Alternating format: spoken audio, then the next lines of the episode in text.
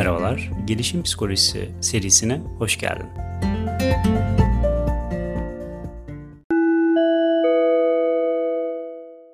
Merhabalar, tekrar hoş geldin. Bu bölümde bilişsel gelişim kavramları, biliş, zeka ve yetenek Ardından Piaget'in bilişsel gelişim kurumu içerisinde yer alan temel kavramları anlatarak bu bölümü bitirmeyi planlıyorum. Biraz rahatsızım, sesimden dolayı kusura bakmayın. Bölümü yetiştirmek adına ve sizleri daha fazla bekletmemek istediğim için konuyu yetiştirmek istedim. Biliş kavramıyla başlayalım. Biliş, düşünme ile ilgili aklımıza gelen her şey aslında. Biliş, düşünme sürecinin adı. Yani nasıl düşünüyoruz sorusuna vereceğimiz yanıt biliş olarak karşımıza çıkıyor. Zeka kavramıyla devam edelim. Bu zamana kadar birçok kuramcı, psikoloji bilimi içerisinde yer alan birçok kuramcı zeka kavramını kendi kuramına göre yorumladı. Ancak bunların ortak bir yanı var mı diye baktığımızda iki tane temel boyutunu gözlemleyebiliyoruz. Hız ve ürünün kaliteli olmasını zeka olarak yorumlayabiliriz. Bireyin herhangi bir konu hakkında hızlı düşünmesi, hızlı sonuç çıkarması ve sonucun doğru olması zekanın göstergesidir. Eğer sonuç yanlışsa burada zekadan bahsedemeyiz. Yani hızlı düşünecek, hızlı sonuç çıkaracak ve sonuçta doğru olması gerekecek. Ancak bu şekilde bir zekanın varlığından bahsedebiliriz. Yetenek kavramı doğuştan getirilen kapasitenin adıdır. Yani bireye kalıtımsal yolla annesinden ve babasından geçen bir tür kapasitenin adı. Bireyin neler yapabildiği ve bireyin neleri yapamadığını ifade eden kapasiteye yetenek denir bütün insanlarda var olan doğuştan getirilen genel yetenekler, bir de çok sınırlı sayıda insanda var olan özel yetenekler diye yeteneği ikiye ayırmışlar. Burada da aynı zekada olduğu gibi bir birey bir alanda yetenekliyse eğer o alanda sonucun doğru olması önemli. Piaget'in bilişsel gelişim kuramındaki temel kavramlarla devam edelim. Bu bölümde temel kavramları ele alacağım. Ancak bir sonraki bölümlerde bilişsel gelişim kuramındaki dönemleri ve detaylarını anlatmaya devam edeceğim. Piaget'in en önemli kavramlarından bir tanesi şema.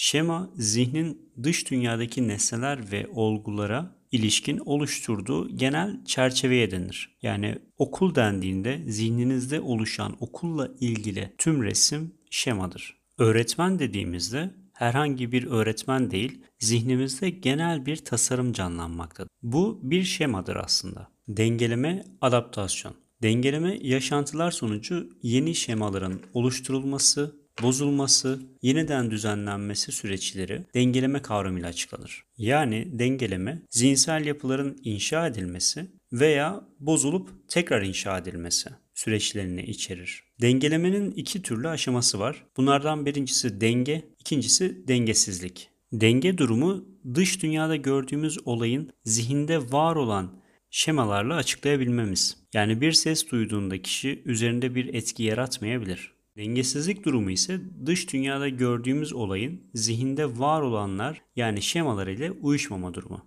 Bizim öğrencilerde en çok istediğimiz durum dengesizlik durumunu yaşamaları. Çünkü dengesizlik sonrasında öğrenmeye bir adım yaklaşmış oluyorlar. Birey dengesizlik yaşadığında yeni duruma uyum sağlamaya çalışır. Bu da iki şekilde mümkün. Birincisi özümleme, ikincisi uyma. Özümlemede birey daha önce var olan şemaların içerisine yeni olarak gelen bu bilgiyi o şemaların içerisine koymaya çalışır. Özümleme olmadan uyma aşamasına geçilemez. Bilişsel yaklaşımların tümüne göre ön bilgi olmadan yeni bilgiye geçilemez. Eğer var olan şemayla yeni durum arasında bir ilişki kurulamazsa o zaman yeni şema oluşturulur. Yani uyma gerçekleştirilir. Bunların hepsini bir örnek üzerinden anlatarak konuyu netleştirmeye çalışalım. 3 yaşındaki bir çocuğu babası hayvanat bahçesine götürür. 3 yaşındaki bir çocuğu babası hayvanat bahçesine götürür. Hayvanat bahçesinde çocuk kedi, köpek, balık, fare, kuş gibi hayvanlarla karşılaşır. Çocuğun kafasında balık kavramı altında suda yüzen, solungaçları olan küçük bir canlı şeması bulunmaktadır.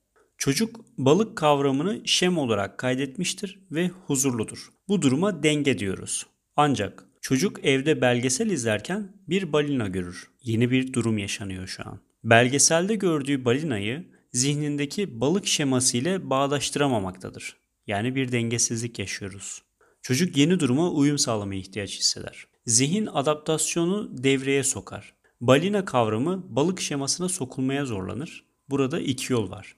Yani şu an adaptasyonu yaşıyor. Önünde de iki yolu var. Ya özümleme yapacak ya da uyma yapacak. Eğer özümleme yaparsa çocuğun zihninde daha önceden bir balina şeması olmadığı için balinayı da balık olarak zihnine kodlar. Yani yeni bir kavram eski bir kavramla tanımlanmaya çalışılır. Burada özümleme oldu. Ancak uyma yaparsa çocuk balinanın farklı bir varlık olduğuna kanaat getirir ve zihninde balina adında yeni bir şema oluşturur.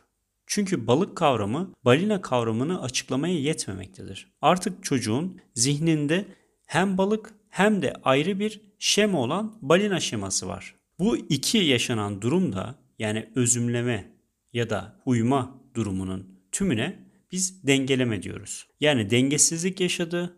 Sonra bu dengesizlik sonrasında adaptasyona yönelerek balık kavramının içine sokmaya zorladı.